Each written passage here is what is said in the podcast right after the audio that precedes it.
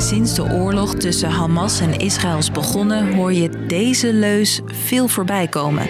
Bij protesten, in je tijdlijn tot in de Tweede Kamer. From the river to the sea, Palestine will be free. Maar wat betekent het eigenlijk? U weet ook dat die uh, laatste opmerking ook een bepaalde associatie heeft. En waarom maakt het zoveel los? Dat zoek ik, Frederik, vandaag voor je uit. Lang verhaal kort.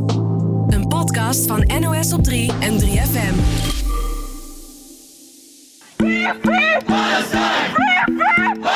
Het dus regelmatig voorbij komen bij pro-Palestijnse demonstraties.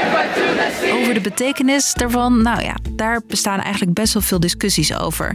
Maar waar iedereen het in ieder geval wel over eens is, met rivier wordt de Jordaan bedoeld en de zee, dat is de Middellandse Zee. Ja, nee, daar kan geen enkele twijfel over bestaan. Je hoort Peter Malcontent. Hij geeft les op de Universiteit in Utrecht en weet alles over het Israëlisch-Palestijns conflict. Dus er zijn veel mensen die zeggen van, nou ja, gebruiken deze kreet gewoon als een, als een soort van strijdleus. Als support voor de Palestijnse bevolking dus.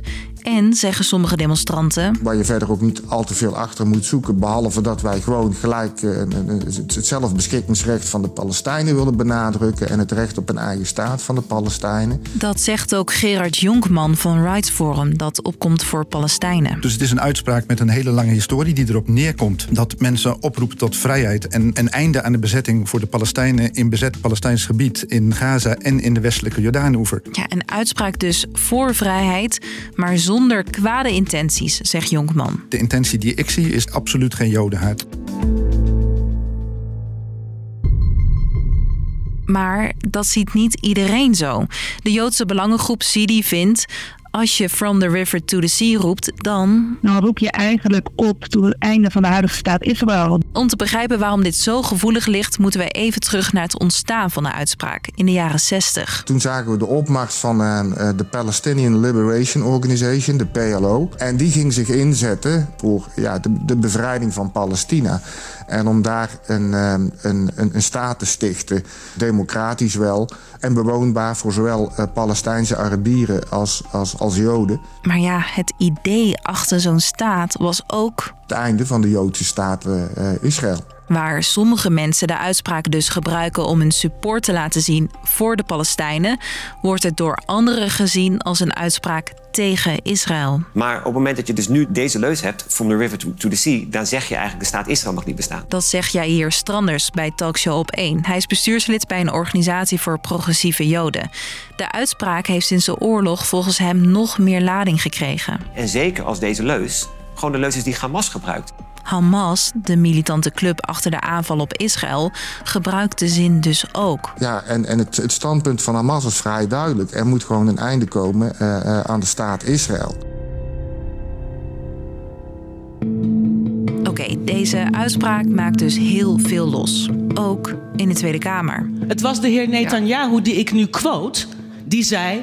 From the river to... Ja, ik, Wacht even, ik heb net gezegd, ik bewaak hier de waardigheid. Deze zin is provocerend, het heeft een bepaalde uitstraling. De meerderheid van de Kamer zegt, dit is een oproep tot geweld. Maar de interpretatie wordt beleefd door heel veel mensen in Israël en daarbuiten dat dit een oproep is tot het laten verdwijnen van het Joodse volk. En ook over de grens wordt de leus niet altijd getolereerd. Zoals ik net al zei, je hoort het veel bij demonstraties. In Oostenrijk werd daarom een pro-Palestijns protest verboden. Die is onmiddellijk platgelegd uh, door, uh, door de overheid. Uh. Nou ja, het verbieden van demonstraties, zover gaat het hier niet. De uitspraak zelf is niet strafbaar. Zo bepaalde een rechter in Amsterdam laatst nog... dat er eigenlijk weinig aanstootgevend aan deze kreet uh, valt te ontdekken. Dus dat die kreet uh, niet illegaal is of, of strafrechtelijk kan worden ver, veroordeeld.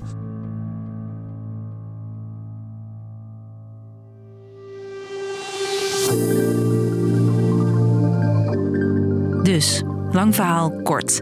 De uitspraak From the River to the Sea maakt veel los. Voor sommigen is het een leus die wordt gebruikt om de steun aan Palestijnen uit te spreken. Maar anderen zien het als een dreiging tegen de staat Israël. Ook politiek zorgt voor discussie. De meeste partijen in de Tweede Kamer vinden dat de leus oproept tot geweld. Was de podcast weer voor vandaag? Morgen zijn we er gewoon weer.